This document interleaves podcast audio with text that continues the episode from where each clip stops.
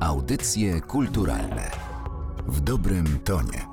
Jakże się światu cała opowiem, jakże się światu zwierzę bezbronnie. I jakże świat mi się zieleń wezna, smakiem czereśni ze mną pojedna. W żadnym rachunku się nie zgodzimy, nic nas nie doda, w sumę nie spoi.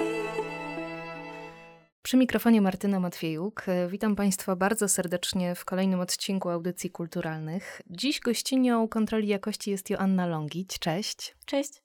19 listopada ukazuje się płyta Tęskno gra poezję. Tak sobie myślę, że zaawansowana jesień to jest y, bardzo dobry czas na to, żeby wydać album, na którym pojawia się poezja. Tak, myślę, że tak. To znaczy, jestem też zdania jednocześnie, że każdy moment byłby dobry, ale na pewno nie ma przypadków. I tak się złożyło, że, że płyta wyjdzie jesienią i, i to, że jest coraz mniej słońca i i gdzieś to nas zachęca, trochę zmusza do tego, żeby więcej siedzieć w domu, grzać się, to myślę, że, że pod kocem, w takim skupieniu, może raczej w samotności, wyobrażam sobie bardziej słuchanie tej płyty na słuchawkach jednak, niż żeby te dźwięki się rozpraszały, ale oczywiście jak kto lubi, jak kto woli, jak najwygodniej, można też na świetnych y, głośnikach odpalić. Zdecydowałam, że CD nie będzie, na streamingach oczywiście najwyższa możliwa jakość, jaką tam się dało załadować. Winyl będzie w lutym. Więc to będzie zimowe słuchanie. Jeżeli mamy tutaj miłośników winyli, to zapraszam. Będziesz dozować przyjemności. Oj, tak. E, polecamy słuchać na słuchawkach, zwłaszcza, że na tej płycie znalazły się wiersze, wiersze Zuzanny Ginczanki. Może przypomnijmy, że to poetka tworząca w kręgu skamandrytów. W Tęskno od zawsze był ten pierwiastek poetyckości, ale tym razem wzięłaś na warsztat nie swoje teksty. Skąd do ciebie przyszła ta Ginczanka? Lata temu w gimnazjum pokazała mi ją moja przyjaciółka serdeczna Nina, której nazwiska nie powiem, bo czemu miałabym, ale bardzo jestem Ninie wdzięczna za to. Pokazała mi o centaurach, czyli ten jedyny, bardzo skromny tomik, który się ukazał za życia Ginczanki, o którym Ginczanka też wie, że, że świat się o nim dowiedział. No i wtedy już pamiętam, że no ale to było lata temu, że, że zrobiło na mnie to wrażenie, że e, zainteresowały mnie te wiersze. Teraz jakby finalnie, ostatecznie na płycie tylko jeden z tych albo aż z tych wierszy znalazł się na płycie, to jest na marginesie, wyjaśnienie na marginesie.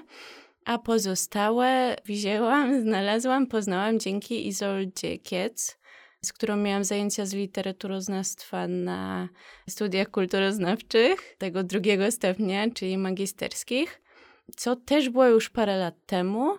E, co prawda nie było tak, żebyśmy, mimo że na pewno Państwo też znają postać, a jeżeli nie, to koniecznie trzeba, to jest największa badaczka i dzięki niej właśnie teraz mamy dostęp, mamy zbiory, mamy wspaniałe biografie i tak dużo możemy wiedzieć o samym życiu Zuzanny Ginczanki, więc na pewno też y, i z postacią pani profesor z Poznania Izoldą Kiec warto się zaznajomić i właśnie dzięki temu, że zakupiłam sobie taki zbiór najnowszy, najbardziej zaktualizowany tej poezji, no to miałam spory wybór i czerpałam właściwie ze wszystkich momentów, tych początkowych gimnazjalnych, dosłownie kiedy Ginczanka miała 13-14 lat i zaczynała, ale myślę, że, że jednak nie słychać tego że to były dopiero początki, bo są to wiersze i tak niezwykle dojrzałe. I tak wcale dużo się nie różnią od tych późniejszych, nawet już z czasy wojny. Zawsze to jest chyba tak, że kiedy bierzemy na warsztat twórczość jakiegoś innego artysty, to wchodzimy w pewną relację z tym artystą. No i tak e, zastanawiam się, wokół czego wasze wspólne myśli i twoje i Ginczanki są zajojane, e, że tak się odwołam do tekstu. Jak czujesz, na jakich płaszczyznach się odnajdujecie? Na pewno dużo jest natury, bliskości z naturą. Na pewno też bardzo bliskie, chociaż trudno porównywać te sytuacje, ale, ale czytając jej wiersze, czytając o różnych zdradach, takim osamotnieniu, które wiadomo, że też może siedzieć tylko w głowie, więc ja bym nie chciałabym tutaj moich przyjaciół jakoś teraz obarczać i mówić im, że mnie zostawili, bo wcale tak nie jest, ale te, te wiersze na pewno też mocno bardzo odczuwałam.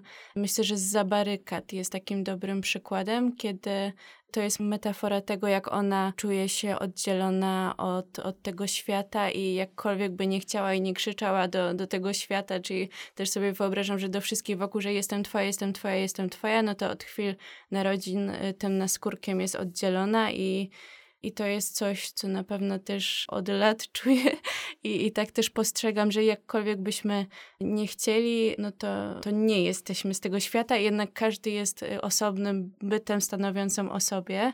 Oczywiście też warto patrzeć na to, co się wokół dzieje i rozmawiać też z ludźmi, nie rozmawiać tylko z samym sobą, nie, nie siedzieć za bardzo w zamknięciu, szczególnie teraz w tych czasach pandemicznych, czy nawet jesiennych, które do tego zachęcają, ale myślę, że to też mamy wspólne i raczej właśnie uciekanie do natury niż szukanie gdzieś tej bliskości z ludźmi. Zuzannie Ginczance też było tęskno.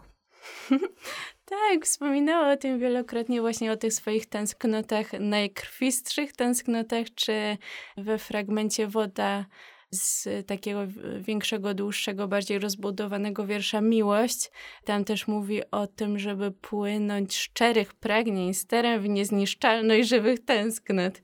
I właściwie to, że przypomniałam sobie o jej twórczości właśnie po zakończeniu poprzedniej płyty, czyli jakoś na początku pandemii, i zaczęłam szukać więcej, dowiadywać się więcej, ale to, to był taki pierwszy, ten błysk oku, pierwszy taki zaczep, zaczepka właściwie wręcz z jej strony, że mm, projekt tęskno, no to może coś o tęsknotach. Mhm. Jakiś czas temu w tym studiu był pan Andrzej Mastalerz, który powiedział o tym, że bez poezji zginiemy. I tak jak powiedziałaś o tej zaczepce, to pomyślałam sobie, że tak, tak też jest z poezją, że my potrzebujemy właściwego momentu, żeby konkretny układ słów do nas akurat przemówił. Zresztą to jest e, taka dziedzina literatury, która wymaga ogromnej koncentracji, ogromnego skupienia, tworzenia tych wszystkich e, receptorów. Jaki ty masz sposób na obcowanie z poezją? Czytam. Ale to są jakieś specjalne warunki? Nie, nie, nie. Y, też jak tak y, teraz jakbym miała sobie przypomnieć, to myślę, że też... Hmm. Myślę, że jednak wszystkie wiersze czytałam w domu, w ciszy, w moim pokoju tak zwanym pianinkowym, nazywam go, który e, od momentu, kiedy się piesio pojawił, no to on go przejął, bo jest dywan, bo jest cicho. Też mamy właśnie taką podobną, jak tutaj mamy piankę w paru miejscach, jest też sporo książek, więc dzięki temu ten pokój jest taki wyciszony, nie ma tego echa, więc można przyjemnie sobie i czytać, i grać, i śpiewać. Mm, no i jest też piesek i, i myślę, że w takich warunkach to właśnie było, jak próbuję sobie przypomnieć. To mogło stać się w łatwy sposób. W tym cały sęk i sprawa cała.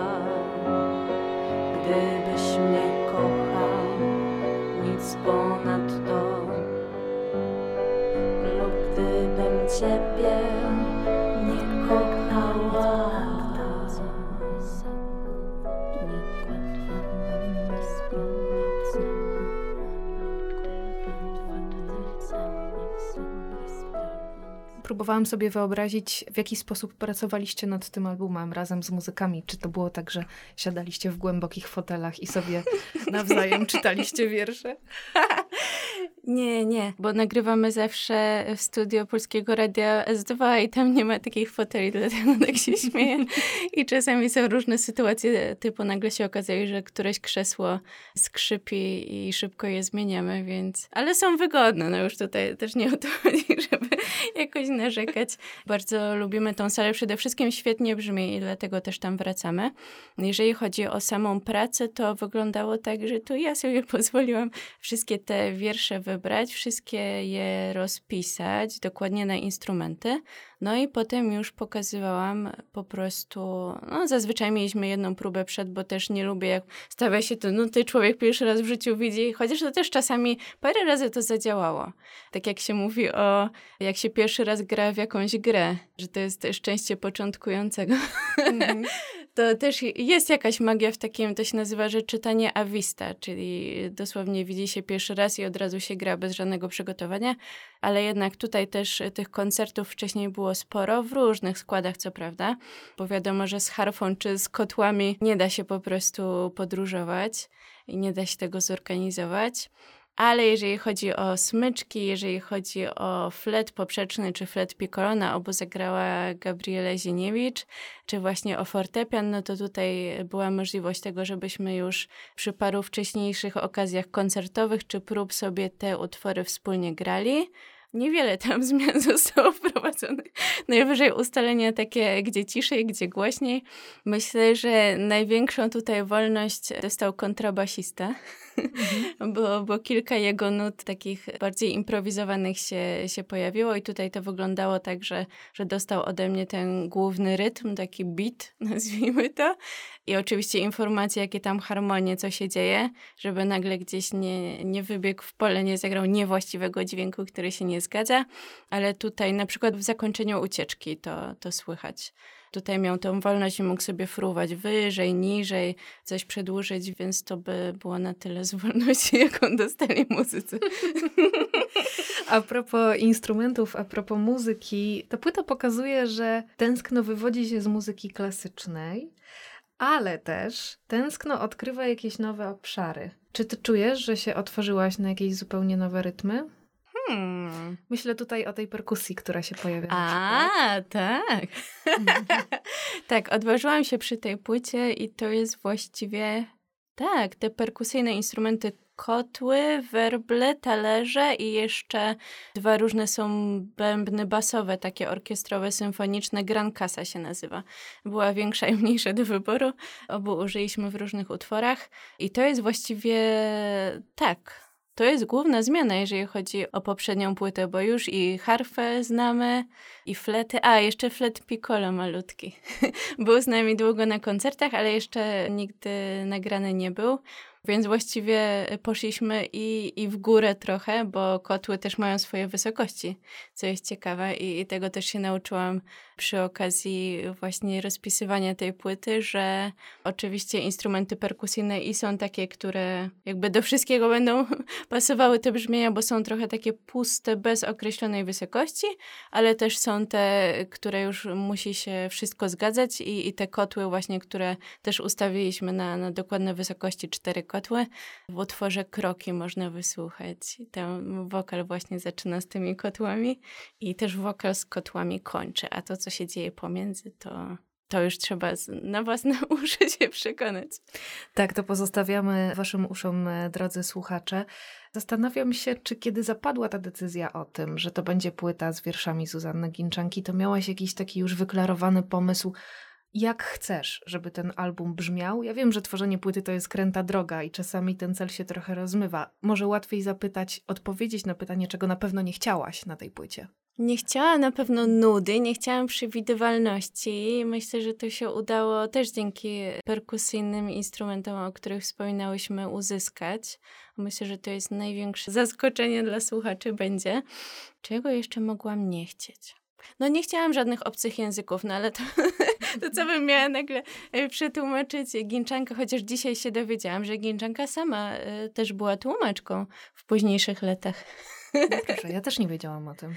Z ukraińskiego na, dobrze mówię, z polskiego na ukraiński. W tą stronę też się dowiedziałam, jadąc zresztą tutaj, że była we francuskim przedszkolu, więc ta jej droga do języka polskiego też jest bardzo ciekawa, lekko kręta, ale myślę, że tym bardziej warto było zostać po prostu przy jej słowach, tutaj nie kombinować, więc oczywiście cała płyta jest po polsku. Chciałam też jak najbardziej zostać przy jej kolejności słów, przy jej jakby długości utworów. To w większości też się udało zachować. Też kroki znowu przechodzą jako świetny przykład, gdzie tam mam wrażenie, że no tak jakby zostało to pod śpiewanie, pod muzykę napisane, bo tam jest tyle krótkich słów powtarzalnych. To ale cóż, ale cóż. To nie jest tak, że ja sobie wymyśliłam, że sobie to powtórzę, tylko naprawdę tak było napisane. I to, że Bruk tam bodajże jest dzisiaj Bruk, Bruk, Bruk, Bruk, Bruk połknął ślad. Chyba ze cztery razy to jest. I to dokładnie też między te kotły i, i w te rytmy udało się tak pomiędzy wpasować. Więc dla mnie to była ogromna przyjemność i, i taką miałam łatwość. Myślę, że dzięki temu właśnie, jakie te słowa były wyjściowo. No wiadomo, że też wybrałam i nie udało się wszystkich wierszy rozpisać, więc może to było trochę takie odrobinę nieświadome, trochę świadome te wybory właśnie żeby było jak najbardziej różnorodnie, ale też było tak, że, że jeżeli czytałam i te melodie już słyszałam i od razu mi się rodził pomysł w głowie, no to się zabierałam za to i tak kończyłam. Nie było ani jednego takiej próby, o to ciekawe, o tym też nie myślałam, że wszystkie wiersze, za które się zabrałam, wszystkie zostały dokończone. Mhm. Żaden nie został porzucony. To może wiesz, materiał na następną płytę. Tak. Po Poezja, perkusjonalia, kilka nowości. Jaki będzie następny krok? Poza już tą płytą. Tego nie wiem. Kusi mnie, żeby kontynuować poezję. Kusi mnie też, żeby zrobić sobie przerwę. E, tylko wiem, że inaczej te przerwy wyglądają, jak się taką przerwę przeżywa właśnie od mojej strony, a inaczej może wyglądać zupełnie na zewnątrz, bo wyobrażam sobie, że, że jeszcze przez chwilę będą informacje o tej płycie. Wywiady też pewnie się będą ukazywały, nie, nie wszystkie jednego dnia, więc myślę, że, że jeżeli bym sobie ogłosiła taką przerwę, to by była bardziej dla mnie i pewnie by się okazało, że by potrwała tylko kilka dni i, i zaraz tak jak było właśnie w sytuacji Ginczanki, że nagle się pojawiła, przypomniała o sobie i, i zaczęłam utwory rozpisywać, to możliwe, że tak by się wydarzyło podobnie. Też bardzo mi się podoba motyw ścieżek dźwiękowych i pisania takich większych całości, bo dosłownie przed chwilą, to było w zeszłym miesiącu, no jakoś ta propozycja się pojawiła bardzo nagle i też było bardzo mało czasu na to, ale ja lubię takie sytuacje, że trzeba się szybko zmobilizować i coś zrobić i tutaj też literatura, tylko współczesna, bo to jest Mała Księżniczka Karoliny Lewestam. No i taką ścieżkę dźwiękową całą rozpisałam z główną piosenką. Tutaj już akurat tekst jest mój, chociaż bardzo mocno zainspirowany wprost słowami bohaterki Małej Księżniczki tytułowej. I piosenka w skrócie jest o lataniu. Mhm. To polecamy też uwadze słuchaczy. Jeszcze się nie chowaj, jeszcze zostań trochę ze słuchaczami. 19 listopada ukazuje się płyta Tęskno gra poezję. Dziś o tym albumie rozmawiałam z Joanną Longić. Bardzo Ci dziękuję za nasze spotkanie. Dziękuję. Sznurkiem w ręce, joją kręcę, pnie się spada w górę, w dół. Ręka gnie się, jojo pnie się, pnie się spada w górę, w dół. Myśli masa, w głowie hasa,